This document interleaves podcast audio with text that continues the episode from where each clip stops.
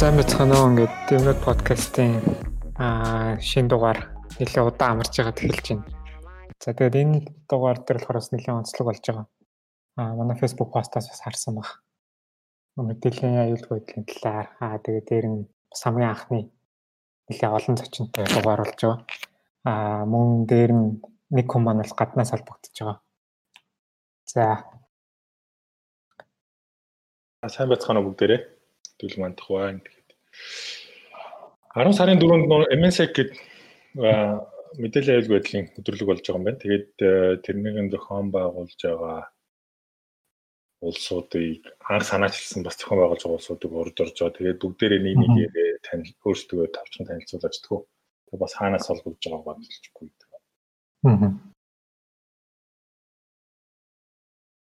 Аа сайн байцгаана уу. Намайг Отхон Пүрв Огоо гэдэг Япон улсаас холбогдож байна. MNC-г арга хэмжээд зохион байгуулж байгаа. MNC төрийн бус байгууллага удирдах зөвлөлийн гишүүн. Тэгээ одоо энэ арга хэмжээг нийтдээ одоо би яг бол оролцоод одоо 5 дахь жил нь явж байна. Арга хэмжээ нь бол одоо 6 дахь жилдээ явж байгаа гэсэн ийм утаа байгаа. Сайн байцгаана уу? Намайг Наранбат гэдэг. Наяа. Тэ ерөөхдөө гэрээсээ холбогдож байна. Тэ. Тэгээд одоо яг орой гэх юм бол би бол MSRT-ийн бас нэгэн удирдах зөвлөлийн гишүүн байгаа. MSRT маань ерөөхдөө 9 гишүүнтэй удирдах зөвлөлийн гишүүнтэй. Тэгээд гүйцэтгэх 3 албан тушаалтай гэж явдаг. Тэ. За сайн байцгаана уу? Би Мэнцэхан маань. За мөн ялгаагүй MSRT-ийн удирдах зөвлөлийн гишүүн За энэ жилээс анх удаа одоо мюзик харах хэмжээг зохион байгуулахад оролцоод явж байгаа. Аа. За тэгээд э, за MNSEC гэдэг үйл ажиллагаа болох ч байгаа. Тэгээд MNCERT гэдэг байгууллага нь болохоор үйл ажиллагааг зохиолж байгаа, зохион байгуулж байгаа газар юм байна шүү дээ. Тий. Одоо MNCERT гэдэг маань болохоор төрийн бус байгууллага. Гишүүддээ үйлчилдэг, бас олон нийтэд үйлчилдэг. Ерөнхий санаа нь болохоор өсөө анх бол цугласан шалтгаан зүгээр аюулгүй байдлын мэрэгжилтнүүд суглаад ерөнхийдөө хоорондоо мэдээлэлээ солилцдог бай, яавал дээр үе юу гэдэг юм ярилцдаг бай. Тэгээд одоо шинэ гарсан юмыг одоо нэг нэгэндээ зааж сургаад хамтдаа хөгжиж гэсэн одоо community based ийм одоо төрийн бус байгууллага Тэгээд эндээс бол 14 онд байгуулагдсанаас хойш нийтдээ нэлээд олон арга хэмжээ зохион байгуулсан. Аа үүнээс гадна болохоор яг гишүүн байгууллагуудад өдөр тутамд нь бол аюулгүй байдлын мэдээ мэдээлэл зэрэгсэн юмнууд одоо дамжуулах хуваалцсан. Ерөнхийдөө бол одоо Монгол Монголд одоо аюулгүй байдлаар хоорондоо мэдээлэл солилцож байгаа аюулгүй байдлын community бол бүгдээрээ энэ дотор явж байгаа гэж бол ойлгож байна. Аа.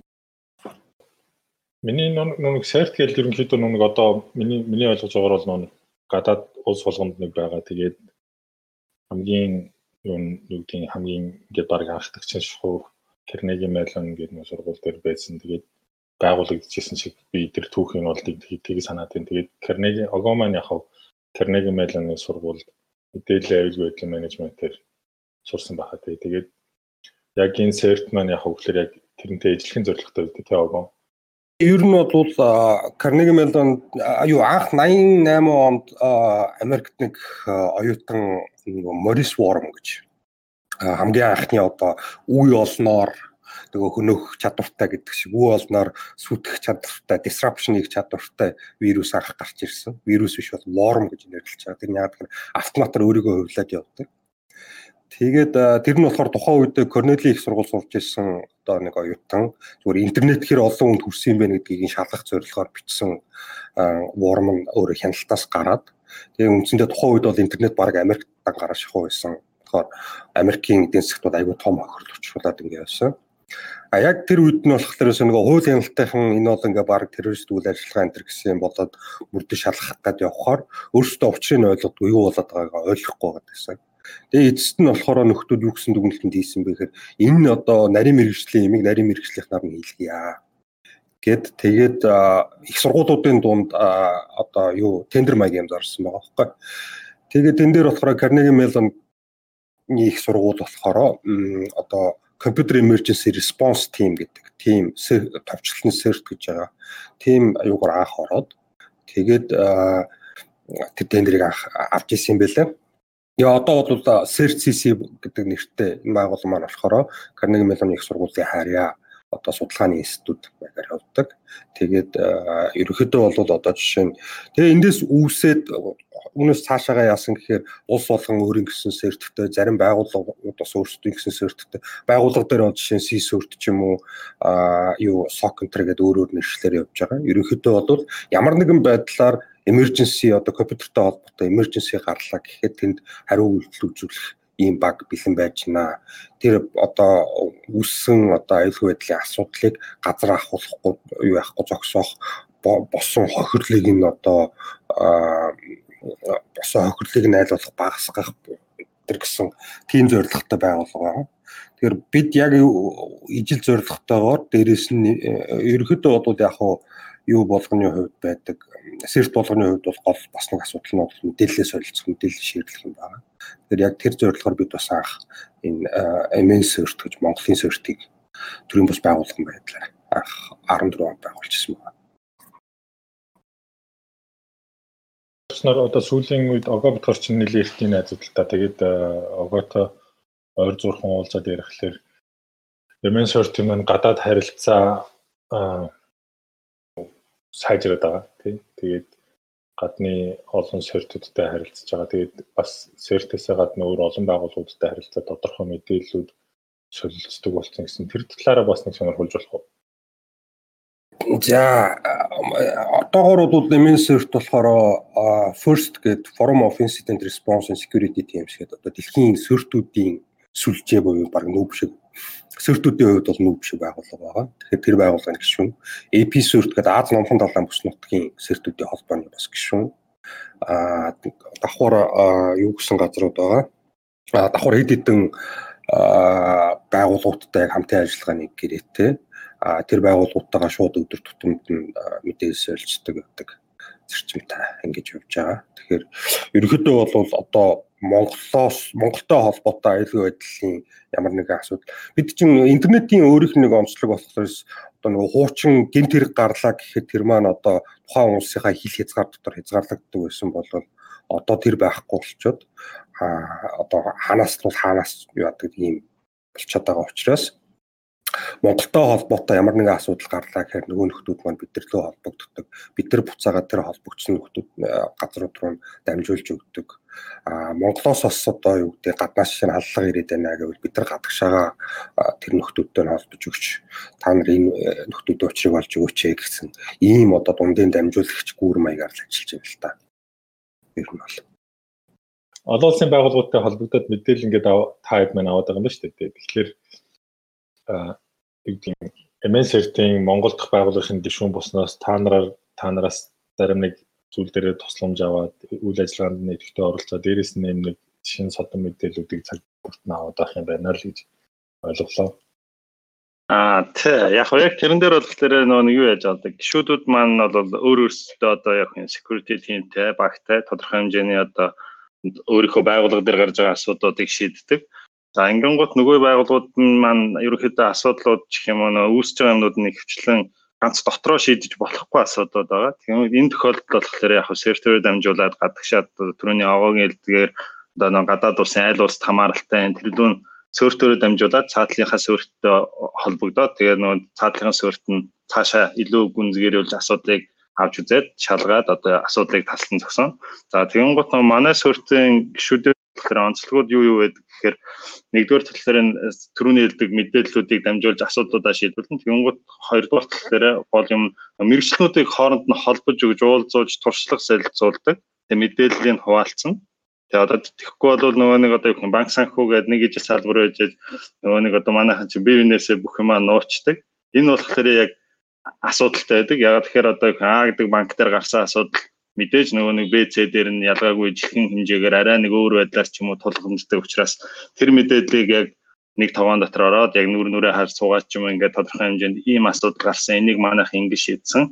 Одоо танах дээр гараад бас ингэ шийдэж болох юм а ч гэдэг юм ингээд одоо бид нэр альсвал энийг шийдэж чадахгүй. Энэ дээр ямар дэмжлэг хэрэгтэй вэ гэдэг энэ бүгдийг хоорондоо санаагаа солилцдог байгаа. А энэс гадна болохоор сөрт маань өөрөө нөгөө гадны байгууллагатай холбогдсон гэдэг утгаараа бас ингээд нөгөө жил болгон бид нар гаднаас яг одоо яхан тухайн домен гэх юм одоо сэдвүүдээр яг мэрэгшсэн хүнийг авчирж одоо яг хэрэгтэй тэр сургалтыг нь одоо ингээд нэг жилдээ нэгээс хоёр удаа ч юм ингээд явуулдаг байгаа. Яг гişүүд байгууллагууд маань мэрэгчнүүдэд дамжуулаад одоо одоо авчирж ирээд яг одоо бүтэн нэг вакуум орчинд уу да яг одоо нэг воркшоп байдлаар ажиллаад одоо ойлголттой бүрэн авдаг байгаа. Бидний нүг яг яг юу гэдгийг манай подкастыг харьцангуй технологийн мэдлэгтэй ч юм уу сонирхдаг улсууд сонсч л байгаа л да яг бидний зурж байгаа зах зээл зурж байгаа сонсогчд маань ч тэр. Гэхдээ нөгөө энгийн хүмүүсийн дунд нэг юм сонин ойлголт байгаа даа шүү дээ. Жишээ нь тийм за хамгийн энэ болохоор за ингээд iOS дээр чи iPhone дээр чинь software update гарчаад байна. Тэрийг ингээд цаг дугаар бүрдэн хийж авахгүй л ийм сая асуудал гарсан байлээ шүү гэж би саяхны үнтэй ярьжсэн чинь өө надад ямар алдах юм байх вэ дээ ер нь тэр нэг ноогоод ах юм байх вэ авал авж ил байна гэсэн байдлаар бас нэг айгүй а мэдээллийн аюулгүй байдалтай ч юм уу нууцлалдаа манайхан айгүй хайн хандаад байх шиг харагдаад идэв. Тэгээд ер нь бид нар мэдээллийн аюулгүй байдал ч юм уу яг энэ мэдээллийн нууцлалтаа яагаад бүр тэгж их анхаарах хэрэгтэй юм бэ? За юу гэдэг тухайн хэрэглэгч тухайн хүн маань өөрөө одоо юу гэдэг алдах юм байхгүй гэж бодож байгаа боловч одоо өөрийнх нь сошиал хаяг, имэйл хаягийн дээр одоо маш их мэдээлэл, маш их чухал зүйлс бас байх боломжтой. Цаашлаад тухайн хүний контактт байгаа бүх хүмүүс бол хүмүүс рүү одоо хүрэх бас нэг шатуулах эрсдэлтэй байдаг. Тийм болохоор одоо яг тухайн одоо хүнээс дамжуулаад олон хүмүүс рүү тарах эрсдэлтэй байдаг болохоор их том эрсдэл болж өгч байгаа сүүлийн үед энэ дээр бас нэг нэг юм нэмчих үү. Тэ. Нөгөө нэг нэг тийм жишээ одоо сүүлийн нэлээд ойрхон би одоо 2 3 сонссон юм. Бүр нэг нь манай найз дээр хүртэл тулгарсан. Яасан гэсэн чинь нөгөө нэг ээж нь ингээд нөгөө сошиал нэтворкийнхаа юуг алдчихсан. Тэгсэн чинь одоо фэйсбүүкийнхаа баха. Тэгсэн чинь гол нэг ээжийнх нь сошиалор норонгуудаа нөхөр нэг мессенжерийнх нь бүх догийг уншаад ямар найзуудтай арьсны хинтээ илүү дотно одоо мөнгө цаас шилжүүлж ингээд Тэгээ нэг хэд хэдэн найзаас нь мөнгө шилжүүлээд авчихсан тийм тохиолдлууд байгаа. Ерөнхийдөө яаралтай найзад мөнгө хэрэгтэй болчлоо хэдэн засгийн данс руу яс хийчих гэдэргээд одоо явах юм. Нилээн шахамдаа байдлаар тийм кейсүүд бол нэг хит хит гарч байгаа. Энд чинь юу гэсэн үг гэхээр яг одоо юу юм мэдээлэлээ алдлаа надаа нуух юм байхгүй гэж байгаа ч гэсэн нөгөөт нь эргүүлээд бусд хүнд гай болдог альсад өөртөө санхүүгийн хувьд гай болдог гэд тэгээд нөгөө хүн чинь гол нь нуух юмгүй гэж ярьж байгаа ч гэсэн яг цагаатлахаар ямар ч хүнд ямар нэгэн байдлаар private юм гарч ирдэг, орон зай байдаг. Тэрийг ил болохоор л яг одоо юу юм те одоо нэлээд том асуудал бууж хүн одоо өөр дээрээ жинхэнэ утгаараа ойлгодог л да ер нь. Тэгээ тэр нэг Facebook-ээр нэг тим явуулсан. Тэгээ би нэг юу гэдгийг миний өмнөөс ингээд хүмүүс рүү би ингээд Facebook-ын нууцыг алдсан. Тэгээ тэрнээс нь болоод манай найзууд руу бичээд мөнгө авцсан байна. Тэгээд тэр ингээд цагдаад хандаад ингэсчлээ тэгчлээ гэл нөө нэг тэр нөө нэг дансаар нь хөөгөл барьж авал асуудлыг шийдчихлэх шүү юм л да. Тэгээд нөгөө нэг хүний барьсныхаа дараа ч гэсэн нөгөө санхүүгийн боломжгүй ч юм уу тий ямар нэгэн байдлаар тэгэхээр миний нэг бас нөгөө хүмүүст хэлээд идэг юм нь болохоор тэр байхгүй. Үгүй бид нар чи өөрсдийгөө хамгаалаад тийм үү те өөрсдөндөө ингээд ямар нэгэн байдлаар жоохон хамгаалснаар бид нар бас эргэн тойрныхоо хамгаалаад байгаа те эргэн тойрныхоо эрслээс хамгаалах хэрэгтэй юм шүү. Тэгээд тийм учраас наадхан дээрээ бас жоохон анхаараач гэдэг байдлаар хэлдэг. Гэтэ нөө нэг MN сард хувьд бол одоо илүү нөө нэг байгууллага руу чиглэсэн юмнууд хийж байгаа. Тэгээд энэ үйл ажиллагаа хийж байгаа энэних нь хамгийн том нь болохоор чинь MN сайт гэдэг хурал тий энэ жилийн хурлын он яг яг юун дээр ойлголтын үед бол бас арай зөрүү байх шүү. Тэгэхээр ерөнхийдөө болохоорс яг уу эмэнсэртэй хувьд бид нар өдөр тутмын үйл ажиллагаа байгууллагуудтай илүү чиглэж байгаа. А гэхдээ ерөнхий одоо бидний мишн гэх юм алсын зорилго бол одоо нийт одоо Монголын интернетийг л аль болох аюулгүй байлгах юм шүү гэдэг тийм зорилготой явдаг. А тэгээд MSEC гэдэг арга хэмжээ нь бас байгууллагуудад зориулсан арга хэмжээ бас биш. Энэ маань бол олон нийтэд зориулсан одоо хин дуртай нэрээ суух боломжтой. А аль болох бид нар олон хүнд энэ мессежүүдэд хүргэх тийм сонирхолтой байгаа гэсэн. А нэг үг байдаг шүү дээ. Миний аюулгүй байдал чиний аюулгүй байдлаар хэмжигдэнэ гэдэг.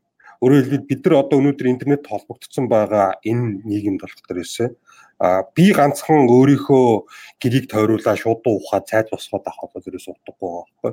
Гэтэ тэргүй холбогдож байгаа бол чиний цорхоогоо дамжаад над руу ороод чив дээр холбоотой над дотор дамжаад ороод ирэх боломжтой гэдэг үднээс бүгдээрээ л нийтээрээ л аюулгүй байдлаа сайжруулах зайлшгүй шаардлагатай. А яг одоо илүү одоо фокуслж одоо ажиллах боломжтой хүч нөөц бололцоотой одоо албан байгууллагууд ихэвчлэн томоохон албан байгууллагууд бол байгаа. Тэгээд тэдний хувьд бол мэдээж хэрэг аюулгүй байдлын албан байл тэн дээр одоо бидний шиэрлж байгаа мэрэгжлийн мэдээллийг аваад явах боломжтой. Гэхдээ нөгөө талд нь болохоор ерөөсөө тэр байгууллагын хэрэглэгч буюу энгийн одоо олон нийт өөрөө аюулгүй байдлын ойлголт байхгүй бол энэ маань бол ямар нэгэн үдэнд хүрэхгүй юм аа гэдэг тийм санаа байгаа шүү. Яг л нэг вакцинтай адилхан байна л да тийм бид чинь вакциныг би нэг нэг хальт уншсан чинь нийгмийн хэдэн вакцин өвчний эсрэг вакцин хийгээд хийгээд идэг. Гэхдээ дийлэнх олонхон хийлэхгүй бол вакциных нь үр дүн бага байдаг гэдэгтэй адилхан аюулгүй байдлын талаар бүгдээрээ л анхаарч мэдж яах бол ерөнхийдөө асуудал бол хэвээр л байгаа гэх юм л да.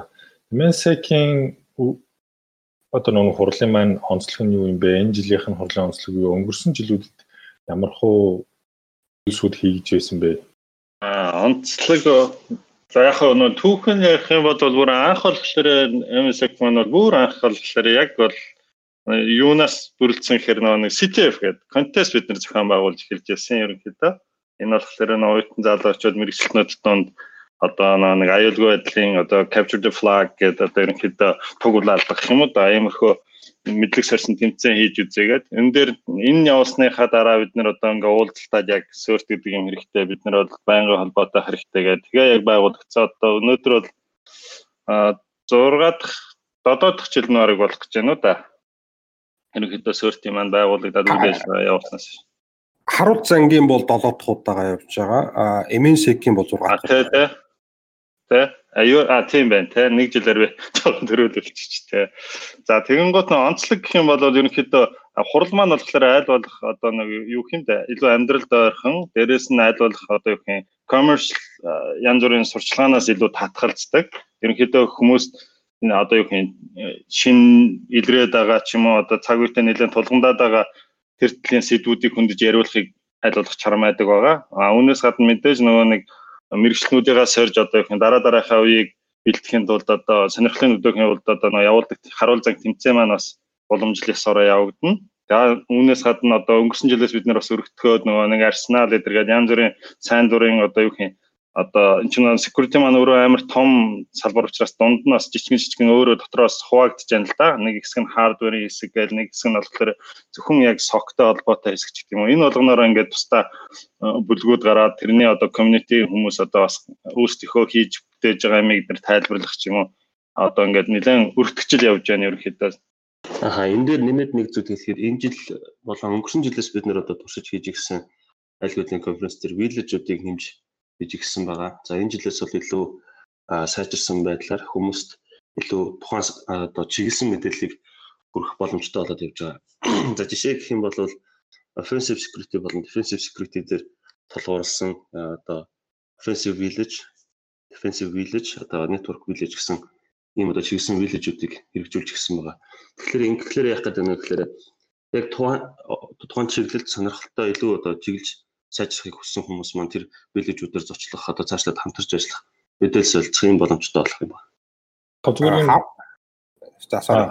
Харуул занг дээр яг уу нэг юм нэмэх нь болохоор өсөө нөгөө бид нар болохоор өсөө ер нь аль ч улсад явагддаг л да ethical hacking буюу ёс зүйн хакерын тэмцээн гэдэг. Үндсэн зорилго маань болохоор өсөө бид нар одоо дараагийн үеийнхнээ бэлдэх те гэсэн ийм зорилготой өөрөөр хэлбэл хичнээн одоо мундаг тоног төхөөрөмж мундаг юу байлаа гэд юу байхгүй бол одоо хүний нөөц маань өөрөө одоо яг техникийн мэдлэг хангалтгүй байх юм бол одоо тэр бол бид нэр хамгаалт бол үүсгэж чадахгүй. Тэгэхээр нэг талаас нь болохоор ерөөсө тухайн хүмүүс offensive талаа буюу хүн яаж одоо хак хийдэг, яаж орж ирдэг ч гэдэг юм уу. Тэр юм ойлгож иж нөгөө талд одоо хамгаалах юм а бэлтгэх учраас энд яах. А гэхдээ бас нэг зорилго маань болохоор ерөөсө ерөнхийдөө болохоор ерөөсө хүнд чинь нэг тийм инстинкт байдаг шүү дээ. Ер нь бол одоо хакеруудад ч гэх юм уу те. Заавал хакерч байх албагүй зүгээр л одоо юу гэдэг зүгээр л нэг тийм юм эрдмээрч юм шиг те зүгээр байгаа юмыг нураамарч юм шиг нэг тийм одоо яаж игээд нэг ирч хүчээ гаргачихмаар нэг тийм юу байдаг штэ. Тэгэхээр бас нэг зүгээр яг энэ дээр холбоотой юм одоо бидний одоо сүүлийн үед хардаг юм боддог гэх юм бол тэ тэргүй зарим нэг залуучууд ч гэдэг юм уу те өөрсдөө бие дагаа судлаа техникийн одоо нарийн мэдлэгтэй болцсон. А тэрийг янз бүрийн юм эвдээд сүтгэж гээд байхын оронд одоо манаа дээр хүчрээ тэр энерги гаргаа тэр сурсан юм а манаа дээр хэрэгжүүлээ. Тэрнийхээ хариу шагналаа аваад яваа. Тэрнээс биш очоод битгий юуны юм нураагаад яваа. Одоо тэгээ тэр нь өөрөө юу гэхээр цаад одоо системээ нураалгасан байгууллагт чөхрөлтэй өөрт нь ч айгүй эргээд хууль зүйн одоо элдв янзын асуудал үүснэ. Тэрний оронд бол хүчрээд манай дээр ирээд юм нураал гэдэг тийм л одоо тоглоомын талбайг нь гаргаж өгч байгаа гэж байна. А тэгээд ерөнхийдөө болохоор сүүлийн одоо 3 дахь жилдээ сая бид нэр 4 сар зохион байгуулсан харуул занг U18 гэж ярьж байгаа. Тэр маань болохоор юуны 18 нас хүрээгүй буюу 10 жилийнхэн зориулсан CTF буюу ёсчууд хакерын тэмцээн байгаа. Үндсэн санаа нь бол тэртэргүй технологи хөгжөөд ирэхлээрээс одоо энэ оролцож байгаа залуучуудын тэр чинь одоо техникийн чадамж аягүй сайжраад явчихж байгаа. Тийм болохоор 10 жилээсээ эхлээд угаасаа одоо бидний 10 жилд багт ч манайд бол тэгэл одоо лааз шүтгэл гудамжинд дэмэдэнэ явж идэг байсан бол одоогийн үеийнхэн ч арай өөр болчиход тэр хүүхдүүдэд ядаж эхнээс нь зөв зам руу оруулаад ингээ явахт нь чиглүүлээд явбал зөв юм болов. Ядаж мэрэгтэй зөв сонгохт нь ч гэсэн хэрэгтэй юм болов гэдэг.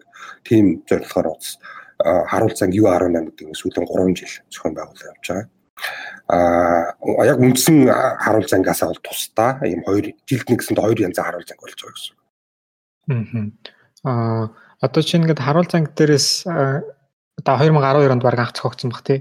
Тэнгүүт ингээд одоо ингээд олон улсын тэмцээнд яг Монголоос ингээд таруул зангаас ингээд шалгараад ингээс цаашаа ингээд олон улсын тэмцээнд ингээд ороод явж байгаа тийм тохиолдлууд ер нь бол байгаа бох тий.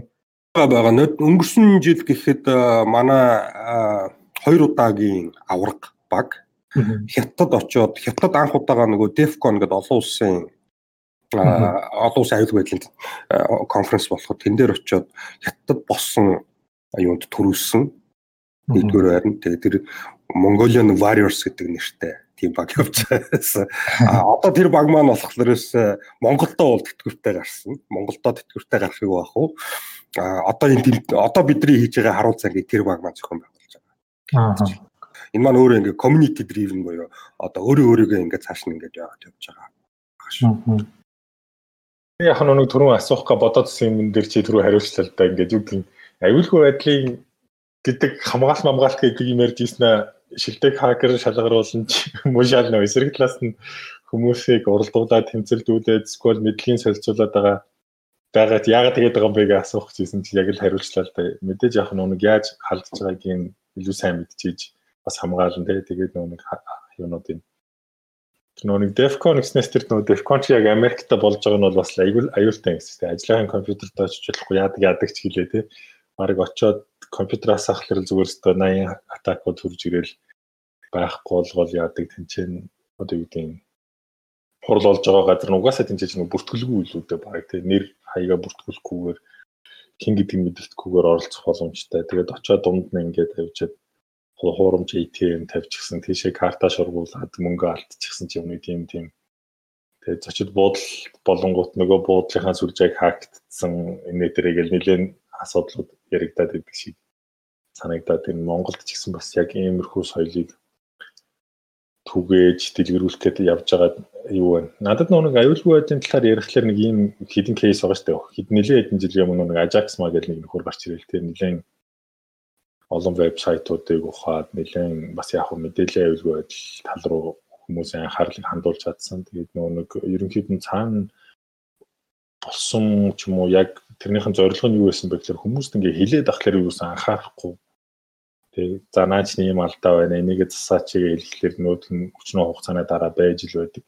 Тэгээ ингээл мэдээлэл алдаад ингээл байгаа л гэдэг. Ер нь яаж энэ байгууллагуудын мэдээллийн аюулгүй байдалтай анхааруулдаг болох хэвээр юм бэ? Заавал тэгж нэг юм алдчихж хашрах хэвээр бол ер нь яах хэвээр бол олон улсын чиг хандлага нь ямар хөө байдаг юм бол Гэхдээ яг хоо тэгээд нөгөө нэг яагаад л бол энэ гадныхных тэгээд манайхны ингээ харангуут ерөнхийдөө угаасаа ямар ч байгууллага хамгийн анх бол угаасаа бүгд бүгд одоо security мэрэгчлэнүүд ч гэсэн угаасаа бүгд ярьдаг юм. Ойлгодоггүй маа ер нь бол угаасаа ер нь бол анхандаа бүгд ойлгохгүй. Ягаад тэгэхээр тэр менежментийн хувьд бол тэр чинь нөгөө нэг орлого олж байгаа биш байдаг. Хамгийн том асуудалтай нөгөө нэг одоо юу юм бизнес хийж байгаа хүн чинь мөнгө олмоор байдаг. Одоо тэр одоо захиралч юм уу нэг хүн юу тэрэнд одоо таалагддаг гэхээр эн чинь мөнгө олох уу гэсэн хариулт. Тэгэнгუთ нөгөө нэг яг information security гэдэг явангууд энэ маань болохоор илүүтэй нөгөө хамгаалах гэдэг утгаараа одоо юу юм өмнө нь бий болгоцсон тэр баялагийг яаж хамгаалах вэ гэхээр дандаа нөгөө нэг зарлаг гарч явдаг сонирхолтой. Тэгэхээр нөгөө хүн чинь одоо ийшээ одоо инвест хийж яхаар ерөнхийдөө одоо юу юм нэг одоо 1000 бараа татдаг байсан бол тэрийг одоо юу юм 100 төгрөг 100 төлөө тэрнийг хамгаалахын оронд тэр 100-г нь шууд дахиад орлогоо нэмэхүүднээс цаашаа явуулъя ч гэдэг юм. Иймэрхүү майндсеттэй байсан. Тэгсэн чинь нөгөө гадагшаа юу болсон гэхээр хүмүүсийнх нь мэдээллүүдийг одоо ил болгоод тэгээд тэрний хариуцлагыг хүлээх болохоор нөгөө нэг одоо юу гэх арга хэмжээ авсан оролцсон нөхдүүд маань өөрсдөө одоо юу гэх нэг нэгээрээ одоо ингээд шууд publicly тухайн бизнестэй холбоотой бүх мэдээллийг ил болгож тавихаар одоо яг жинхэнэ утгаараа нөгөө нэг одоо юу гэх тэдний төсөөлөөгүй хохирлууд бий болж эхэлсэн л дээ. Одоо хэрэглэгчдийн мэдээлэл алдчихлаа гингут нөгөө нэг мэдээллийг нь ашиглаад нөгөө нэг хамаг хэрэглэгчдийнх нь өөр өөр одоо сервис давхар ашигладаг сервис рүү нордог ч юм уу одоо хийгээгүй үйлдэлийг хийлгүүлдэг ч юм уу ингэнгүүт одоо яг нөгөө нэг улсын хэмжээнээс одоо юу гэх юм засгийн газраас аа ч юм уу одоо хууль хяналтын байгууллагуудаас ер нь энэ дээр жоохон арга хэмжээ авах хэрэгтэй юм байна гэдэг одоо зарим газрууд бол одоо хувь хүний мэдээллийг алдвал одоо тодорхой хэмжээний торгуулт төлн аль эсвэл тэрийг одоо тодорхой хугацаанд мэдээлэх ёстой ч юм ингээд нөгөө нэг нэлээд чангатгаад ирэнгүүт одоо нөгөө эргүүлээд нөгөө нэг байгууллагууд маань болохоор энэ дээр анхаарч одоо тодорхой хэмжээний төсөв цууд одоо юу гэх юм тусгаад тэгээ илүү сайн мэрэгчнүүдэд бэлдэж явах ёстой юм байна гэд. Монголын жишээн дээр болохоор яг тухайн үед бол угаасаа э, тиймэрхүү юмнууд нэлээд болсон. Угаасаа тэр бол зарим нь бол угаасаа нэг өдөрлөх төвшний яалтчгүй түрүүний хэлдгээр ойлгохгүйсэн учраас тэрийг нь яг юу болдгийм бэ гэдгийг харуулах үднээс бас хийгдсэн болов уу гэж боддог. Тэгэхээр яг хөө тэрнийхээ тодорхой хэмжээний үр өгөөжийг өгөөд магадгүй өнөөдөр Монгол одоо хэд хэдэн томоохон байгууллагууд маань энэ дээр нэлээд дажгүй анхаарал хандуулаад тодорхой төсөв бүрдүүлээд ингээд хэрэглэгчдээр одоо юу гэх хэрэглэгчийн мэдээллийг хамгаалаа явж байгаа гэж одоо бодож байна. Ер нь болохоор аюулгүй байдал гэдэг маань болохоор зөвхөн технологийн асуудал биш байхгүй юу? хүмүүс болох төрөөс аюулгүй байдал гэхээр ерөөсөө зөвхөн гикүүдийн анхаардаг ерөөсөө технологи л шийдэх хэвээр асуудал гэж ойлгоод байдаг. Нэг айхтар үнэтэй төхөөрөмж эсвэл нэг айхтар үнэтэй програм авч тавьчихаар л тэр маань одоо ерөөсөө манай хамаагүй мэгэл янзын гоё болгоод явчих тийм их юм төсөөлөд байгаа байхгүй юу? Аа ерөнхийдөө бол за тодорхой хэмжээнд бол одоо технологиор авах бол тийм контрол буюу одоо хяналт бол байх боломжтой. Гэхдээ тэр маань бол 100% бол хангалттай байж чаддгүй. Нөгөө талд нь болохоор тэр технологийн ажиллах орчин, тэр технологиг ажилуулж байгаа хүн ингээд айгүй олон юмнаас хамаарч иж эргээгээд энэ маань бол Тэгэхээр баягийн хилтгчлэн нэг талаасаа болохоор ерөөс аюулгүй байдал маань зардалруулдаг.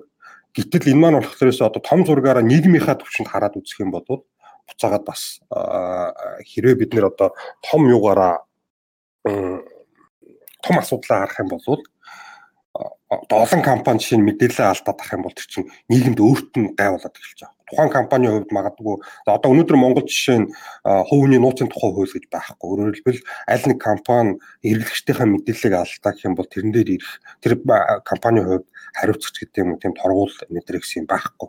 Төрөөс одоо юу байх юм а яг зүгээр салбараасаа шалтгаалаад жишээ нь телко бол харилцаа холбоо зохицуулахаар нас банк бол Монгол банкнаас гэдэг юм ингээд тодорхой хэмжээнд хариуцлага өгөх юм бол байгаа. Гэхдээ ерөнхийдөө бол хувийн хувь хэрэглэгчийн мэдээлэл алдсан тохиолдолд бол хинч хариуцлага өгөхгүй байхгүй. За тэгэнгүүт тэн дээр ингээд олон газрууд ингээд тэр хувийнхаа мэдээллийг алдаад эхэллээ гэхлээрээс буцаагаад улсын өөрийнх нь аюулгүй байдал алдагдаад эхэлж байгаа бид нар бүр улс гэдэг одоо том зургаараа өөрсдөө нийгэм өөрөө ингээд айгүй асуудалтай болоод эхлэх жишээтэй.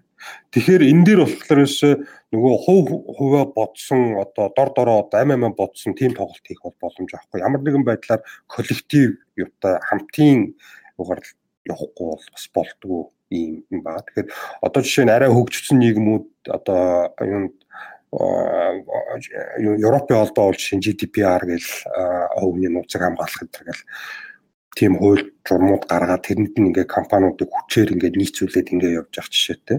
Тэр маань болохоос өөрөө бизнест бол айгүй их дарамт учруулж байгаа учруулж байгаа. Гэхдээ нөгөө талаас нь болохоор үндсэн том зургаараа том нийгмээ хамгаалж иж тэр бизнесүүд маань өөрсдөө эргээгээд ажиллах боломжтой болох юм байна. Тийм.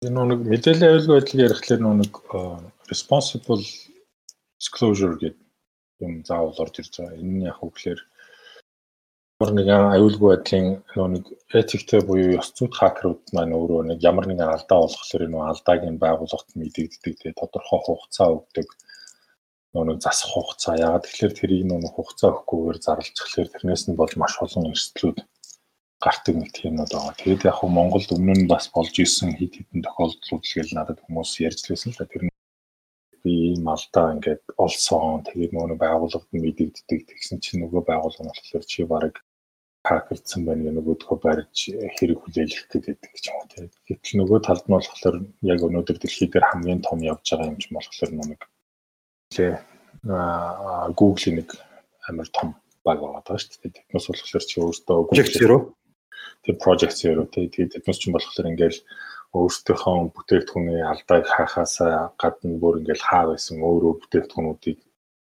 ухаад тий тэгэл iOS дээр байгаа зүгээр л мессеж өчөөд л явж яла iOS дээр дуртай юм хийдэг алдааг нь олоод тэгэл нөгөөдгөө явж Apple-д мэддэл Windows-ийн алдааг нь олоод тэг ингээл ингээл ингээл явж байгаа.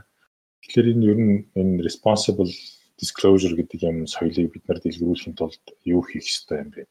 Та нарын бодлоор бүгдээ Яг хоо тэгээд нэг ерөнхийдөө тэгээд байгууллагуудаас л хамаарж байгаа л да. Хийх ёстой гэхээр бас хэцүү. Ерөнхийдөө тэгээд нээлттэй магадгүй тодорхой хэмжээний мэдээллийг одоо тэр энэ чиглэлийн залуучууд руу одоо хандсан ч юм уу эсвэл ядаж нөө веб дээрээ одоо нэг ороод одоо алдааг нь олцсон байлаа гэхэд одоо нэг холбох шугамыг бэлдэж өгөх хэрэгтэй. Одоо магадгүй одоо өөрийн ч вебсайт дээр ийм асуудлууд байна штэ гэдэг тэрийг нь одоо юу гэдгийг ядаж одоо магадгүй контактаараа дамжуулаад хүлээж авдаг ч юм уу нэг тиймэрхүү соёлыг ихний ээлжинд бий болгох хэрэгтэй.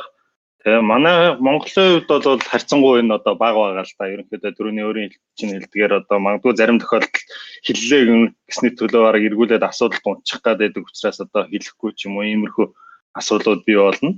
Тэгээ гадныхны хувьд болохоор одоо энэ дээр бол бүр сайхан тийм нөө бизнесүүд бий болчихсон одоо нэг хаанч маань тэгээ янз бүрийн байдлаар хийдэг гэдэг баг баунти хөтөлбөрүүдийг нь одоо хэд хэдэн сервис болсон саяхан л гэхэд миний харж байхад одоо яг энэ төрлийн баг болоод одоо юу юм сая доллар олчихсан нэг залуу хүртэл харагдчихсан. Ерөнхийдөө яг нэг байгууллагуудын сервисүүд дээр алдаануудыг олоод репортлоод репортлоод тэгээд яг тухайн алдааныхаа юу юм үнэлэмж одоо хэр их риск гарах байсан одоо тэрийг одоо ингээд нэг буруу зорилгоор ашиглаад тухайн байгууллагад ямар хэмжээний өндөр эрсдэл учрах байснаас хамааруулаад тухайн байгууллага маань нөгөө нөхөртөө эргүүлээд урамшуул болгож олгодог. Тэгэхээр энэ бизнесийн модельлууд нь магадгүй нэг хэдэн жилийн дараа магадгүй наашаана яг хөө дөхөө орж ирж магадгүй юм манай тал дээр. Тэгэхээр ерөнхийдөө байгууллагаасаа цэвэр хамаарж байгаа юм. Аа нөгөө талдаа байгууллагаасаа гэхээсээ илүүтэйгээр бас нөгөө инженерүүд, сонирхогчд маань, залуучуудад маань энэ манаас хамаарчлаа юм л да. Ийм мэдээллийн айлгуулын цоорхоо олчлоо гэж шууд энийг нь одоо publicly disclose хийх нь буруу юм байна одоо илүү этиктэй байх нь зөв юм байна гэдгийг ойлгож авах энэ одоо арга шатуудыг бол харуулсан тэмцээн маань бол бас амжилттай хэрэгжүүлж байгаа дэлгэрүүлж байгаа болов гэж бол бид бас найдаж байгаа. За байгууллагын хувьд бол яг ингээд одоо имэнсэртэй ч юм ингээд цаанаас нь аюулгүй байдлаа ингээд ажилтан мэрэгчлэнүүдтэй ингээд болчиход байна. Тэнгүүд нөгөө Аа энгийн хэрэглэгч одоо яг бүр яг тех сави биштэй хүмүүс байгаа шүү дээ. Тэд нар толонгоч ингээд яг энтлийн мэдээл нэлийн хомс. Ер нь бол манайц нэлийн нэг тийм хайнга тал руу шүү дээ. Би ингээд сая сүүлд нэг интернет кафе ороод шууд ингээд Facebook гэж 13 чинь шууд нөгөө нэг фейсбુકийн логин хуудсан дээр ингээд хүн ингээд нэр пассворд ингээд автоматар нөгөө браузерын санах юм дээр ингээд тэгэл орчихсон байгаа хөөх. Тэнгүүт ингээд яг хүн ингээ юм хүн ингээ санаалаар өгсөн бол гээд ингээ ороод яг нөө сав пассворд нь чи ингээ баг 3 4 хүн ингээ а фейсбુકийн нэрийг пассвортаас ингээ зүгээр интернет кафед ч тий санаалаар өгсөн байдаг. Тэгээ ингээд энэ талаар болохоор ингээ хэрэглэгчтэй болохоор ингээд бүр эмтлийн мэдлэг бол бүр ингээд байх байхгүй ч юм уу тийм болчиход байгаа шүү дээ. Тэгэхээр MSR-тэс ч юм уу одоо MSX-ээс яг энэ талаар ингээ хэрэглэгчдэд олгох тийм үйл ажиллагаа тэр байгаа болов энгийн эргэлтгч гэхээр ерөнхийдөө айгу зураг нь өөрөө том болчиход байдаг байхгүй. Бид нар жишээ нь Монгол улсын 3 сая иргэнд бол хүрч ажиллах тэр тэргүй нөөц болцоо бидэрт байхгүй. А анхандаа бол одоо ядаж тэр талын анхааруулга санамж нэтэр юмнууд гаргаж те юу явах гэж хичээдэг байсан. Одоо ч гэсэн зарим нэг юмнууд явж л байгаа л да. Гэхдээ тэгтээ тэргүй бид нар одоо төрийн бус байгууллагын зарчмаар сайн дурын нэг 10 хэдэн хүн явж байгаа шин ерөөхдөө бол тэр бол боломжгүй асуудал болж байна. А гэхдээ нөгөө талаас хаа очиж сүүлийн үед одоо сүүлийн 2 3 жилийн дотор жишээ нь эрүүл цагдаагийн газрын кибергийн тэрэгтэй дэмжих тасаг Монголын банкны холбоо энэ гэсэн газрууд бол олон нийтэд чиглэсэн тийм нөгөө нэг awareness буюу одоо мэдлэг олгох тийм хэлтэй янз арга хэмжээнд хийгээд л байна л. Одоо Facebook-оор орохоор янз бүрийн видеонууд гараал энэ төр гэсэн тэр юмнууд ч юм бол буцаага тодорхой төвшөнд бол хүрж байгаа гэж найдаж байна. Аа бид нар болохоор яг шууд ингээд одоо бүх хүнтэй тулж ажиллана гэсэн тэр юм дээр бол яг өндөө хэцүү үед. Аа MNSEC-ийн хувьд болохоор болж өгвөл энгийн төвшөнд байлгах гэж хичээдэг ч гэсэн нөгөө талаасаа болохоор тодорхой хэмжээнд ярьж байгаа агуулга маань болохоор ядчил нэг жоохон сүртэй хүн байхгүй бас ойлгоход хэцүү байхыг бас үгүйсэхгүй. Аа энэ мэрэгчлэрээ сайжруулах гэж явж байгаа ч юм уу тийм хүмүүсийн хувьд илүү одоо техникийн мэдлэг олгох илүү юу яах тэр талаасаа арай илүү хүү байх болов гэж бодож байна. Энд дээр нэг юм нэмчихв те. Тэгээ ерөнхийдөө зөвөр яг миний зөвөр нэг ажиглаад байдаг байхгүй. Одоо Монголынхаа яг юг харангуут гадныхтай ингээ харьцуулахаар одоо гадны одоо энгийн нөхөртэй ингээ энгийн яриа өрнүүлэх гэсэн тэд нэр болохоор яг нэг privacy ч юм уу нөө security тал дээр нэлээд тийм анхаарал хандуулцдаг. Ерөнхийдөө ойлголттой байдаг. Тэгээ нэлээд бас одоо юу гэх юм зарим юмд хандахдаа нэлээд serious нэмзгээр ханддаг. Одоо юу гэх юм хитрхи шууд контактыг авах маах ч юм уу энэ тохиолдолд дургуйцсан зарим нь одоо ямар зорилгоор ашиглах байгааг мэдэх сонирхолтой байна гэх юм. Монголын үед юм байдаггүй. Эний нэг шалтгаан бол цэвэр миний зүгээр харж байгаагаар одоо яг хувийн ойлголтоор шүү. Ерөнхийдөө манай сэтгүүл зүйтэй холбоотой юм болов уу гэж боддгийн. Ягаад тэгэхээр хэвлэл мэдээллийн хэрэгслүүд маань болохоор яг энэ төрлийн асуудлуудыг бол тогтмол гаргадаггүй. Зүгээр нэг хаяа нэг одоо юм интернет дээр нэг тэр нэг Америк, Европ ч юм уу одоо Хятад, Канада ч юм уу нэг газар болсон одоо их өөрсдөд нь нэлээд наалтахгүй юмнуудыг л ерөнхийдөө илүүтэй найш навчирч тавьдаг. Тэгэнгუთ яг эргүүлээд нөгөө нэг хэвлэл мэдээллийнхаа сугуудлаа бид нараас өмнө нь би ч гэсэн хандж үзчихэл байсан л та. Нийтлэл мэдлэг гаргуулыг гингууд эргүүлээд нөгөө хэд маань болохоор мөнгө нэгтгэж ч юм уу иймэрхүү байдлаар хандаад байдаг нэг тийм асуудал байдаг. Миний бодлоор магадгүй тэр одоо яг хариуцлагатай тийм сэтгүүлтэй тийм юу ах юм бол бид нартай хамтраад магадгүй олон нийтлүү чиглэсэн энэ төрлийн мэдээллийг өгөхэд бол ерөнхийдөө MSR-ийн хувьд бол ер нь харьцангуй нээлттэй. Тэгэхээр нөгөө дотоодын том одоо том байгууллагууд ч юм уу тий нийгмийн хариуцлагын хүрээнд бол энэ тал дээр ер нь бол туслах боломжтой юм шүү дээ тий. А тий мэдээж тэгдэг байх. Нөгөө талаас одоо юу гэдгийг одоо бидний хийж чадах юм нэг төдий хэмжээнд л байгаа шүү дээ.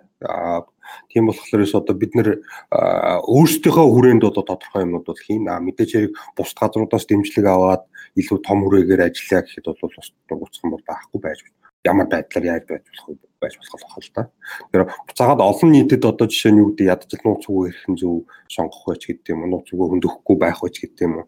Тэр талын мэдлэг бол мэдээлэл бол буцаагаад түрүүний ярьсан жишээнд эрүүгийн цагдаа болон банкны холбооны арга хэмжээний бол айгүй зөв чиглэл зөв явж байгаа гэж бодлоо. Тэгээд нэг ёс зүйтэй хакер ч юм уу тэр responsible disclosure буюу тэр мэдээллийг нөө хариуцлагатайгаар задлах тухай нэг хальт хүн бий гэж бодлоо л да одоо юу гэдэг түрүү 80 хэлдгэр тийм тэр нөө ингээд мэдээллийг худалдаж авдаг те мэдээллийн аюулгүй байдлын цорхоонуудыг илрүүлдэг тийм бизнесүүд хатаадад нэлээд хүэмэл болчихсон хамгийн том нь бол одоо юу гэдэг хакер one гэдэг тэр нэг байж байгаа.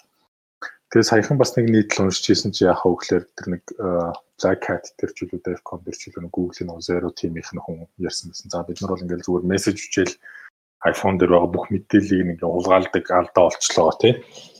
Тэгээ энийг нь бид нэр Apple-д мэдгдсэн. А зүгээр энийг болохоор юу гэдгийг хар зах дээр ч юм уу гаргаж ирээд зарвал тэг мэдээж яг тэрнийхээ төлөө нэг хэдэн мянган доо нөгөө нэг Google ажилтаа учраас цалингаа авах хэрэг хакер one руу мэдэгдвэл нэг хэдэн мянган долларын тэг урамшуул авах бах.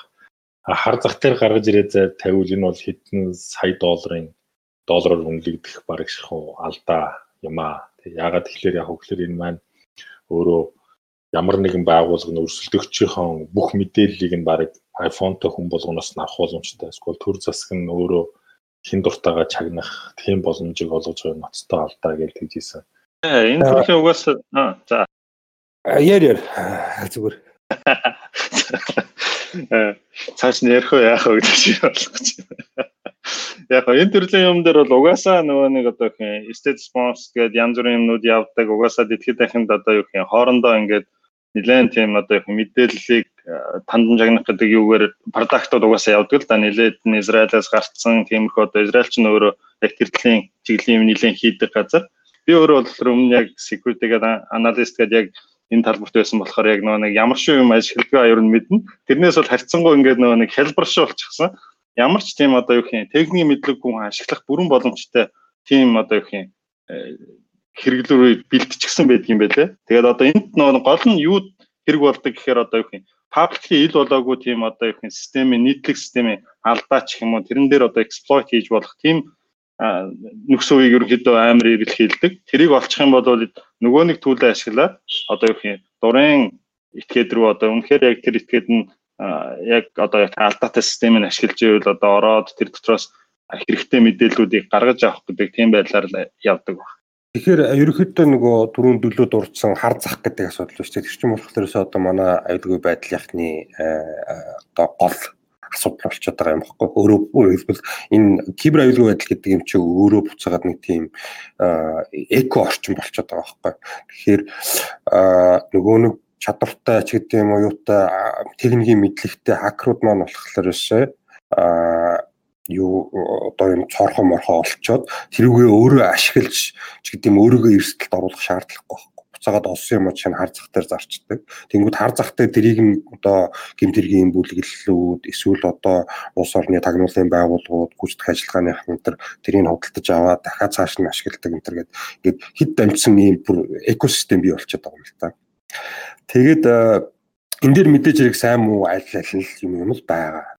Тэгэд миний бодлоор болохоор та та мэдээллийн аюулгүй байдал сонирхож байгаа ч юм уу хакер болохгүй сонирхож байгаа залуучуудыг уриалах хэрэгтэй юм болохоор яг хэрвээ ямар нэгэн алдаа бол тухайн байгууллагата урьдчилаад мэдийг дээр тий засахт нь тус болоороо яг ийм ийм асуудал байна шүү гэх тий.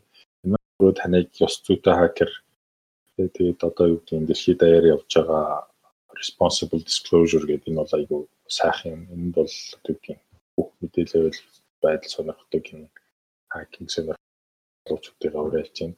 Заримдаа болохоор яг үгээр бидний нүг мэдээлэл аюул байдлын тал дээр ажиллаж байгаа ч юм уу нийтийн хүмүүсийн байдаг нэг тийм нэг ойлголт байдаг шүү дээ. Тэр нь нуух хэвээр, сайн нуух хэвээр гэдэг тийм өөр нэг тийм ойлголт байгаа шүү дээ. Ингээд зүгдэг мэдээлэл аюул байдал нь илэрчлээ. Тэнгүүт нь тэрийг ингээд задлахгүй л байгаа гэвэл өөр хинч мэдэхгүй юм шиг тий. Эсвэл тэрийг ингээд ойлголт байгаа гэдэг шүү дээ. Тэр гэвэл security through obscurity лөө.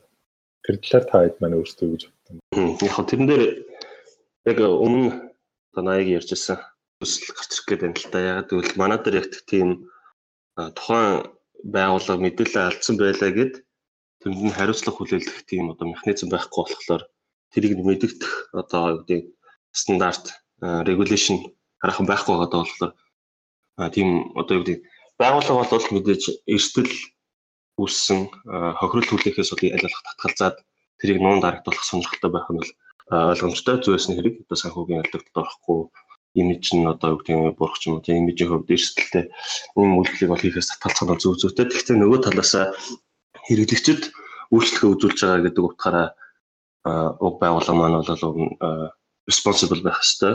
А гэхдээ тэрийг нь enforce хийсэн ямар нэгэн regulation байж энэ маань илүү үр дүнтэй болох болов уу гэж би бол өдөө бодож байна. Тэгэхээр одоо жишээ нь яг одоо Монголын нөхцөл гэх юм бол аюулгүй байдалтай холбоотой жишээ нь нөгөө rules regulations буюу том зургаараа одоо бодлого журам айгу дутагдaltaй байгаа манай аюу парламентар одоо юу явж байгаа гэж би ойлгоод байгаа. Гэтэ яг нарийн юмнууд мэдэхгүй байна. Гэтэ ерөнхийдөө яг хиний мэндийг нь хилдэг шиг, наяг нь хилдэг шиг том зургаараа одоо буцаагаад тухайн байгууллагч гэдэг юм уу одоо хэрэглэгчдийнхээ мэдээллийг алдснаас болоод үүсэх одоо асуудал нь ба байхгүй байх юм бол байгууллага энийг зүгээр зардал гэдэг өнцгөөс харж байгаа. Эрсдэл гэдэг өнцгөөс өнцгөөс биш гэдэг тийм байгаа болохоор бид нэр эргээгээд бол одоо нөгөө ядад одоо бүх нийтээрээ ч гэдэг юм уу те олон нийтээрээ энэ талынхаа мэдлэг мэдээлэл юмнуудыг сайжруулж ийж одоо ядаж энэ талынхаа ойлголттой хүмүүсийг эргээгээд одоо бодлого тодорхойлох төвшөнд нь гаргах юм уу боломжтой болох болов гэж бодож байна л та. Энэ бол яг нэг манай сонсогчид ч гэсэн таад маань ч гэсэн мэдэн штэ намайг ингээд нэг за open source буюу нээлттэй их ерөнхийдөө ингээд дэмждэг сонирхдаг энэ талаар нь утал ухуулга ерөнхийдөө хийгээд явдаг. Тэгээд яг энэ утгаараа ингээд маш олон хүмүүстэй уулзаад ярилцаал явж байхлаэр нөхдүүд нэг ийм ийм яриа хийдэг дээ. За open source-ыг бол ашиглах нь муу юм аа. Тэг. Яагаад вэ гэхээр тэрний чинь код нийлүү байж байгаа. Тэг. Тэгээд код нийлүү ахлаар дотроос хүмүүс алдаа олчдөг юм аа. Тэгэхээр юу гэдгийг аль болох бид нөр өөрөө өөртөө кодоо бичээд явах хэрэгтэй. Тэгээ тэр нь болохоор яг хөөхлөр ингээд нэг хинч тэр кодыг мэдэхгүй байгаа учраас тэр бол ингээд аюулгүй байдлын айгуу сайн баталгаа өгж байгаа гэдэг талаас нь яриад байдаг. Аа миний хувьд болохоор яг хөөхлөр тэнцэн байж байгаа маш олон асуудлыг кодыг маш олон нүд харж байгаа учраас тэр хэмжээгээр нэг аюулгүй байдал нь гтцсан байгаа тэрэн чинь байж байгаа аюулгүй байдлын асуудлыг маш олон хүмүүс харж байгаа учраас засаа яваад байдаг гэж боддог та эдийн хувьд одоо юу гэдгийг open source-ын талаар ашиглах нь зөв юм уу, буруу юм уу? Тэгэхээр open source байснаар аюулгүй ажил асуудал нэмэгдэж юм эсвэл багасдаг юм болов уу?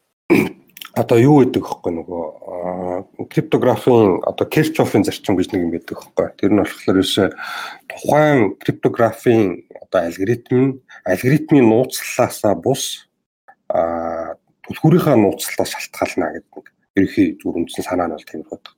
Өөрөөр хэлбэл тэн тэр одоо тухайн мэдээллийг яаж одоо scramble хийж байгааг нь хүн мэдэх мэдэхгүй нь бол ерөөсөө чухал биш. Тэрийг яаж игээд олчих боломжтой. А эсвэргээрээ тэрийг нууцлж байгаа түлхүүр нь өөрөө нууц байж иж тэр одоо нөгөө алгоритмыг нь хүн хичнээн мэдж байгаа ч гэсэн түлхүүрийг нь олохгүйгээр тухайн мэдээллийг задлж чадахгүй болвол энэ маань бол өөрөө нууц юм а гэж байна. Тэгэхээр open source-тэй бол яг энэ маань шууд нийцэж байгаа байхгүй. Өөрөөр хэлбэл тухайн системийн одоо кодыг чинь хүн харлаа гэд тухайн системийн шууд алдааг олох юу бол тийм сонирн биш байхгүй. Эсвэргээрээ тэр нь баг давуу тал болж өгч байгаа. Харин тухайн системийг өөрийг нь хэрхэн ажилуулж байгаа. Дээр нь одоо хичнээн мундаг аюулгүй систем тавьчаа дээр нь жишээ нь 1 2 3 4 гэсэн пассворд тавьчих юм бол ялгаа байхгүй шүү дээ. Яг тэрнтэй адилхан Kirchhoff-ын зарчим бол үндсэн санаа нь бол тэр ихгүй. Юусе алгоритм битгий нууцлаа. А юугаа түлхүүрээрээ зөвхөн нууцлах хэрэгтэй гэдэг тэр зарчим. Тэгэхээр open source гэсэн яг адилхан тийм өөрөөр хэлбэл тухайн бичиж байгаа код нь бол нууц байлаа гэх тэр нь системийн нууцлалыг бол хангаж чадахгүй л гэсэн тийм санаа байна. Өөрөөр хэлбэл open source бол secure биш ээ гэсэн л secure биш гэсэн аргумент нь бол худлаа гэж хэлэх гээд байгаа. Яг хэрэглээ талаас нь зөвөр хэлэхэд болохоор одоо хэд хэдэн хүмүүсээс асууж лээсэн л да open source одоо юу гэдэг нь за жишээ нь messaging application, chatting application алиг нь хэрэглэх open source нь ашиглах уу эсвэл closed source жишээ нь одоо Telegram, Signal ч гэдэг юм эсвэл а төлбөртэй тэгсэн мөртөөс closed source, Streamr гэдэг ийм бүх аппликейшн алийг ашиглах вэ гэдээ асууж ирсэн. За тэрэн дээр ямар асуудал open source ашиглахад үүсэж байгаа вэ гэхлээрэ хэрвээ тухайн open source одоо програм хангамж дээр ашиглаж исэн сангууд дээр ямар нэгэн эмзэг зорхоо байдал илэрлээ гэхэд тэрийг нь тухайн хөгжүүлэгчд маань яг л засаж чадаагүй эсвэл одоо өөр талын итгээд тэр open source-ыг ашиглаж исэн сангууд дээр цоорхоо илрүүлээ гэхэд тэр ашиглаж байгаа хүмүүст маань бол байгаа. А нөгөө талаараа closed source дээр бол иймэрхүү зүйл харьцангуй байхгүй. Гэхдээ хэрэглэгч маань closed source-ын цаана яг ямар код ашиглаад байгаа нь өөрийнх нь privacy яаж яаж хангагдаад байгаа гэдэг дээр бүтэн ойлголттой байхгүй болохоор энэ бас нөгөө талаараа эрсдэл болж байгаа. Тэгэхээр энэ дээр бол хэрэглэгч маань бол өөрөө сонголтоо хийх болчиход байгаа юм л да. Яг миний хувьд бол хуулиар хоёр талтай л гэж хараад байдгийн. Ер нь бол open source гингот угаасаа нээлттэй. Үнэхээр сайн одоо community-г хүчрэхэг юм олон тоотой мэрэгжлийн хүмүүстэй яг хэрэгтэй юун дээр явж байгаа тийм open source-ууд бол харьцангуй гайгүй. Ягаад гэхээр тэр маань болохоор олон олон нүд харсны хэмжээгээр тэн дээр бас нэг олон нүд дээрээс хэрэглээ ихтэй бол тэр маань яг одоо яг security мэрэгчлэнүүд тэрийг бол оролдож үзнэ одоо энэ дээр ямар боломж байна болцоо байна энэгээр нь орох нөхцөл байна уу ч гэх юм уу энэ талаараа бол ерөнхийдөө нээлттэй байх нь бас их давуу талтай болдог яг нөө нэг тэгтээ одоо их open source-ийн хувьд бол community сайн бол асуудалгүй гэдэг миний санаа бол. Тэгээ хэрэг community жижиг болчих юм бол тэр маань эргээлээд асуудал болно. Ягаад тэгэхээр тэн дээр нөгөө security hall үүссэн. Тэгсэн мөртлөө нөгөөх нь олон газар ашигладаг байх юм бол тэр маань юу даажа нөгөө нэг ил юм чинь хин дуртай тэрийг хараад ямар хаагур нь яаж орох нь илэрхий болчих учраас бас нэг тийм асуудал үүснэ. За яг хаалттай үед болох тэр яг сүүлийн байдлыг бол алга болгох чинь бага хэмжээгээр бууруулна. Тэгээд эргүүлээд нөгөө хаалттай юм болгон болохоор одоо их асуудлыг илрүүлэхгүй гэсэн ойлголт байхгүй. Одоо жишээ нь бинари гэдэг гаргадаг одоо програм бичиж бодъё л да десктоп дээр. Энэ маань яадаг гэхээр одоо та нар мэдж байгаа бах те одоо Microsoft Office гэдэг мянган мянгаар нь одоо хэдэн саяар ингээд програм гардаг ч гэсэн тэрнийх нь одоо Parrot хөлбөр нь юу cracked ч гэсэн patch ч гэсэн хөлбөрүүд гардаг. Эн чинь юу гэдэг нь гэхээр тэр код их кодыг харахгүйгээр тэр мэрэгчлэтнүүд бол угаасаа араас нь яг юу их гээд байгаа, яаж ажиллаад байгаа, хаана асуудал байгааг бол уншиж чаддаг. Ерөнхийдөө нэг дот төвшний хэлээр хэм үү одоо юу юм бүр одоо нэг ассемблер тийшээ ерөнхийдөө бүгдийг ойлгох хэмжээтэй мэрэгчлэнүүд байдаг учраас бол бас тэгж одоо юу юм бинараа гараад бүх асуудал шийдэгдэн ч гэсэн ч юм уу хаалттай яснаар сайжирна гэсэн бас үг байхгүй л те. Тэгэхээр ерөнхийдөө яг нөө нэг сонгож ашиглах гэж байгаа тохиолдолд яг аль аль үзүүлэлтүүдийг харах байл гэдгийг бодох хэрэгтэй. Бас тэр хаалттай системийн ч одоо юу юм нэг давуу тал магадгүй support site компани бол асуудал илэрлээ гэхэд дор нь магадгүй тэр харилцаад асуудлаа шийдүүлнэ. Ингээд янз бүрийн боломжууд бас бий болно л доо сонгохдоо л хүмүүс айгүй сайн сонгоод тал талаас нь ерөнхийдөө бодож. Яг нөгөө тухайн бизнест нь яг аль нийцэж чана гэдгийг аль зөв сонгох хэрэгтэй байх гэж боддог. Миний хувьд бол магадгүй тухайн байгууллага чинь одоо магадгүй ч гэхгүй л ахalta. Ер нь бол бүх том байгууллагууд бол одоо commerce software давхар дээрэс нь өөрийнхөө үндсэн юм дээр нь open source гэдэг бүгдийг нь хамт ашиглаа явж байгаа байхгүй юу ерөнхийдөө. Одоо миний мэдхийн тэгээд зарим open source-ууд болохоор анхандаа болохоор яг хаалттай байж байгаа сүлд нь ингээд том компаниуд маань сүлдээ за за энийг нээлттэй болгочихъя гэдэг ингээд нээлттэй болгосон тохиолдол нэлээд ажиглагдаад байгаа тийм.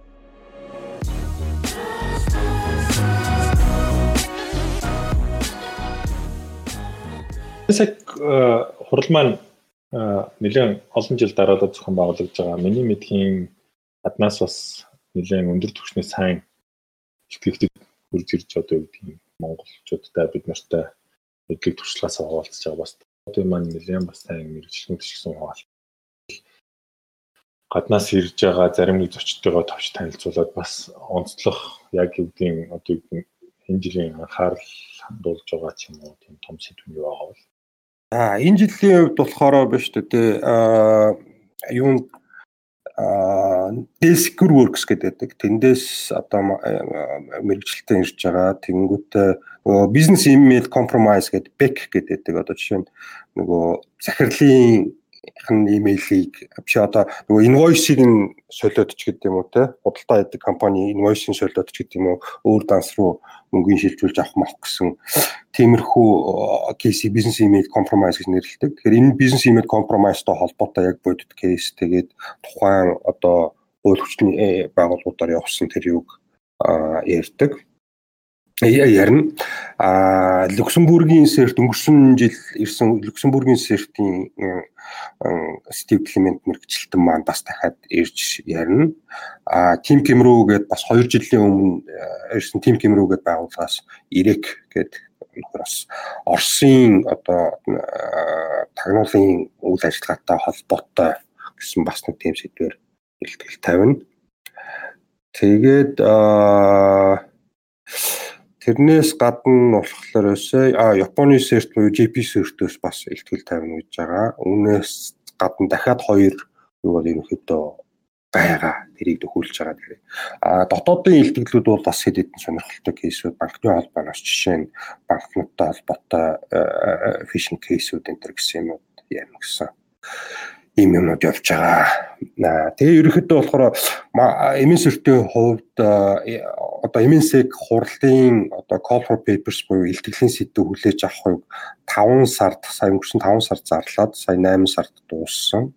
Тэгэхээр олон нийт дараа жил ч гэсэн бас яг энэ хүү зарчмаараа явах бах. Тэгэхээр хэрвээ одоо энэ жил 2020 оны хул 2019 оны хул өнгөрчлөө 2020 оны жишээ нэмээсгээр илтгэл тавья гэх юм бол а манай зарыг харж байгаа зарын дагуу одоо илтгэхээс сэдвийг явуулах юм бол одоо олон нийтэд бас өөрийнхөө судалсан сэдв юмгаараа ярих бол бүрэн боломжтой шүү. За, имэнсэр болохоор ингээд за 10 сарын 4-нд илүү 5-7 10 сарын 4-ний өдөр 5 дахь өдөр байгаа. За тэгээ нэг түрүүний бас би нэг юм асуух гэж байгаа. Харуулцангийн тэр нөгөө нэг U18 дээрээс гарч ирсэн одоо шалгарсан гэх юм. Хүүхдүүд цаашлаад ер нь яг MSR дээр нь хамтраад үйл ажиллагаа ч юм уу эсвэл дахиад авдуусан оролцож байгаа юу? U18-аас яг айхтар U18 ч нөгөө 18 нас хүрээгүй хүүхдүүд учраас бид нар бас шууд харьцаатай ч арай болдгоо. Одоо багш нар багш нарыг дамжуулж гэдэг юм уу яаж гоо тэр чинь бас жаахан асуудал үүсэх магадaltaй гэдэг үднэс а зүгээр тэр хүүхдүүд одоо шинэ бие даагаад жинхэнэ жоох одоо нөгөө одоо энэ болох гэж байгаа харуулцаа ингээд оролцох бол боломж нь бүх юм нээлттэй. А яг U18 тэмцээнийг бол бид нар одоо жишээ нь юу гэдэг багш нарын хяналтанд орчим уу хийхгүй бол бас шууд одоо юу 18 нас өрөө хүүхдүүдийг бид нар зохион байгуулахаас одоо зүүн талаас асуудалтай л та. А ерөнхийдөө бол өнгөрсөн жилийн хувьд жишээ нь гэх юм бол юу харуулцан U18 төрүүлсэн багийн гişүүд оролцсон баг одоо жинхэнэ одоо нийт жинхэнэ жоогт одоо намар болдог томчуудын харуулц ангид нь ороод бас төрүүлсэн байгаа. Тэгэхээр ерөнхийдөө бол одоо нөгөө нэг авиас чадвар гэдэг таалантууд маань улам залуужаад байна л гэж хэлэх гээд байгаа юм байна. Тий. Тэгээ нөгөө нэг яг би ингэж л одоо тань л та нөгөө нэгд ингээ 18 нас ингээд одоо хүрээгүй хүмүүс ингээд юм дараад харуулц ангид ороод ингээд явж ин тэнгуут ингээд магадгүй сургуулиудад харьцаа ч юм уу нөхөртийг одоо шинжилгээний технологийн сургуульд нэг систем аюулгүй байдлын анги гэдэг шүү дээ. Тэнгүүд тэнд ингээд хүүхдийн нөгөө одоо оруулах ч юм уу ер нь яг яриа мэрэ ер нь явагддаг бол яадаг бол а юун дээр харуулцанг U18-д төрүүлсэн багийг их сургуулийн урилга энэ жилээс ерөнхийдөө яаж гисэн баг. Тэ наяа санаж нүч. Би яг одоо хариуцдаг болохоор сайн мэдэхгүй энэ жилийн хувьд бол ямар ч үсэн тэр боломж нь олдоод бид нар бол харуул цанд U18 төрөвсөн багийнхан хүүхдүүдэд бол урилга өгсөн байгаа.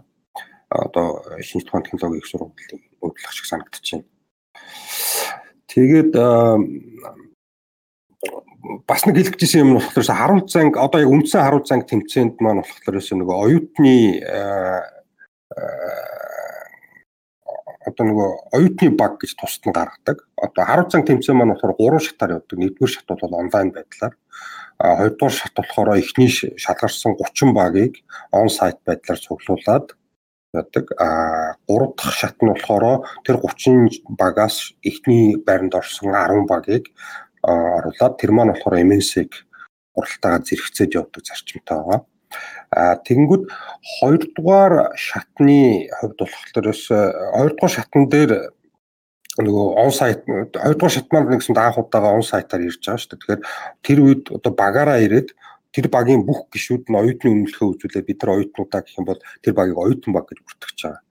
А тэгээ оюутан баг гэд бүртгүүлсэн багийг болохоор өсөө а тусдаа лиг маягаар гаргаж байгаа. Өөрөөр хэлбэл шалгаруулсан нөгөө нэг одоо хоёрдугаар шатнд шалгарсан 30 багаас 10-ыг нь одоо сүүлийн шат руу оруулна гэж байгаа шүү дээ. Тэр 10-ынхаа одоо жишээ нь 2 багийг нь оюутан багийг болгоно гэж байгаа. Тэр нь тухайн оюутан баг жишээ нь эхний 10-т орж чадаагүй байсан ч гэсэн оюутан гэдэг статусаа хангаж байгаа бол тэр багийг бид нар сүүлийн шат руу шалгаруулж оруулж байгаа. Одоо нэг ажил дээр гарсан мэрэгжилтнүүдтэй одоо онлайн үзэж байгаа оюутнууд өрсөлдөхөд жаахан төвхтэй гэдэг үүднээс оюутнуудыг илүү дэмжих бодлогоор ийм бас хийж байгаа шүү.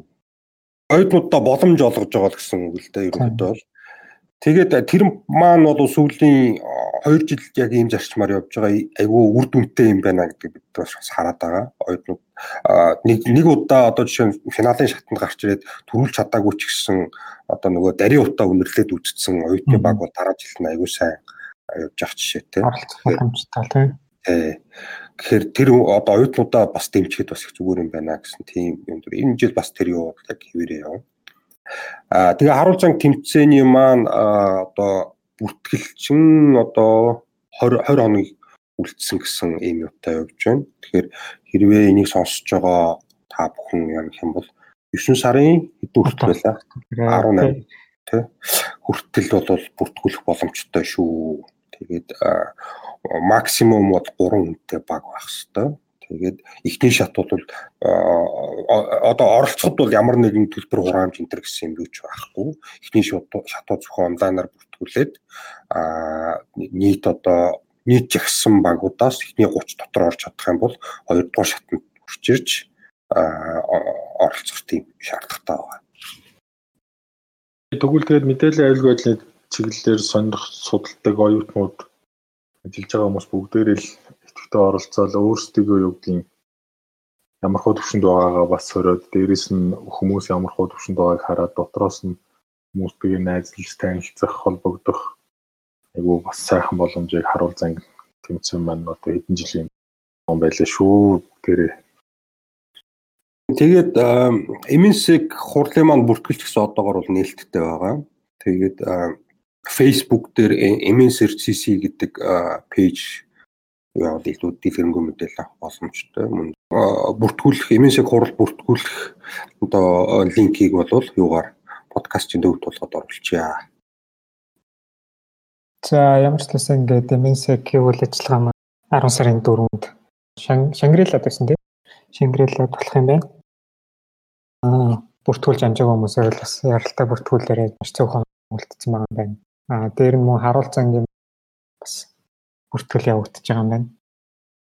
Тэгээд бүртгүүлээгүй хүмүүсээ бас бүртгүүлээрээ мэдээлэл аюулгүй байдлын чиглэл сорж үзье гэж байгаа бол ер нь яг Монголд байгаа царайн ганц тэмцээн харуулцанг байгаа тэгэхээр бас нэлээд мэрэгжлийн хүмүүс оролцдог учраас та за яг мэдээллийн аюулгүй байдлын чиглэлээр сонирхож байгаа хүмүүст бол маш том боломж олж авах гэж бодож байна. Мэдээж яг хав мэдээлэл айл байдлын ерөнхий чиглэлээр аль болох өргөн хүрээнд ярихыг энэ энэ удаагийн дугаар харж хичээлээ. Тэгээд мэдээж арай илүү нарийн мэдээллүүдийг нөө хурал дээр MNC хурал дээр мань очиод сонсцоогоороо тэгээд мэндээ тэ 80 да огодо маш өргөн хэлцэж манай сонсогчдод мэдээ мэдээл хуваалцсан маш баярлалаа. Тэгээд бидний хамгийн анхны интернетээр хоорондоо ярилцж байгаа. Тэгээд дээрэс нь манай Обаман Японоос оролцож байгаа. Наа тэгээд өөрсдөө харуул зангид ороод сороорой. Тэгээд MS sektor очоод шинэ сатан мэдээллүүдийг аваарай гэж сонсогчдод хэлий. Тэгээд ямар ч MS seg маань ингээд 10 сарын 4-нд болж байгаа тайлж Шингрэлад болж юм лээ. Бас тэгээд бүгдээрэнд намжилт хүсье. Наяа мэндэ огоо Тэгээд бусад бүх зохион байгуулж байгаа тэгээд харуул зангийн бодлогыг бол өстой янзын гоё таалбартай хэцүү байна гэж. За баярлалаа. За баярлалаа. Баярлалаа. Урд оролцуулсанд баярлалаа.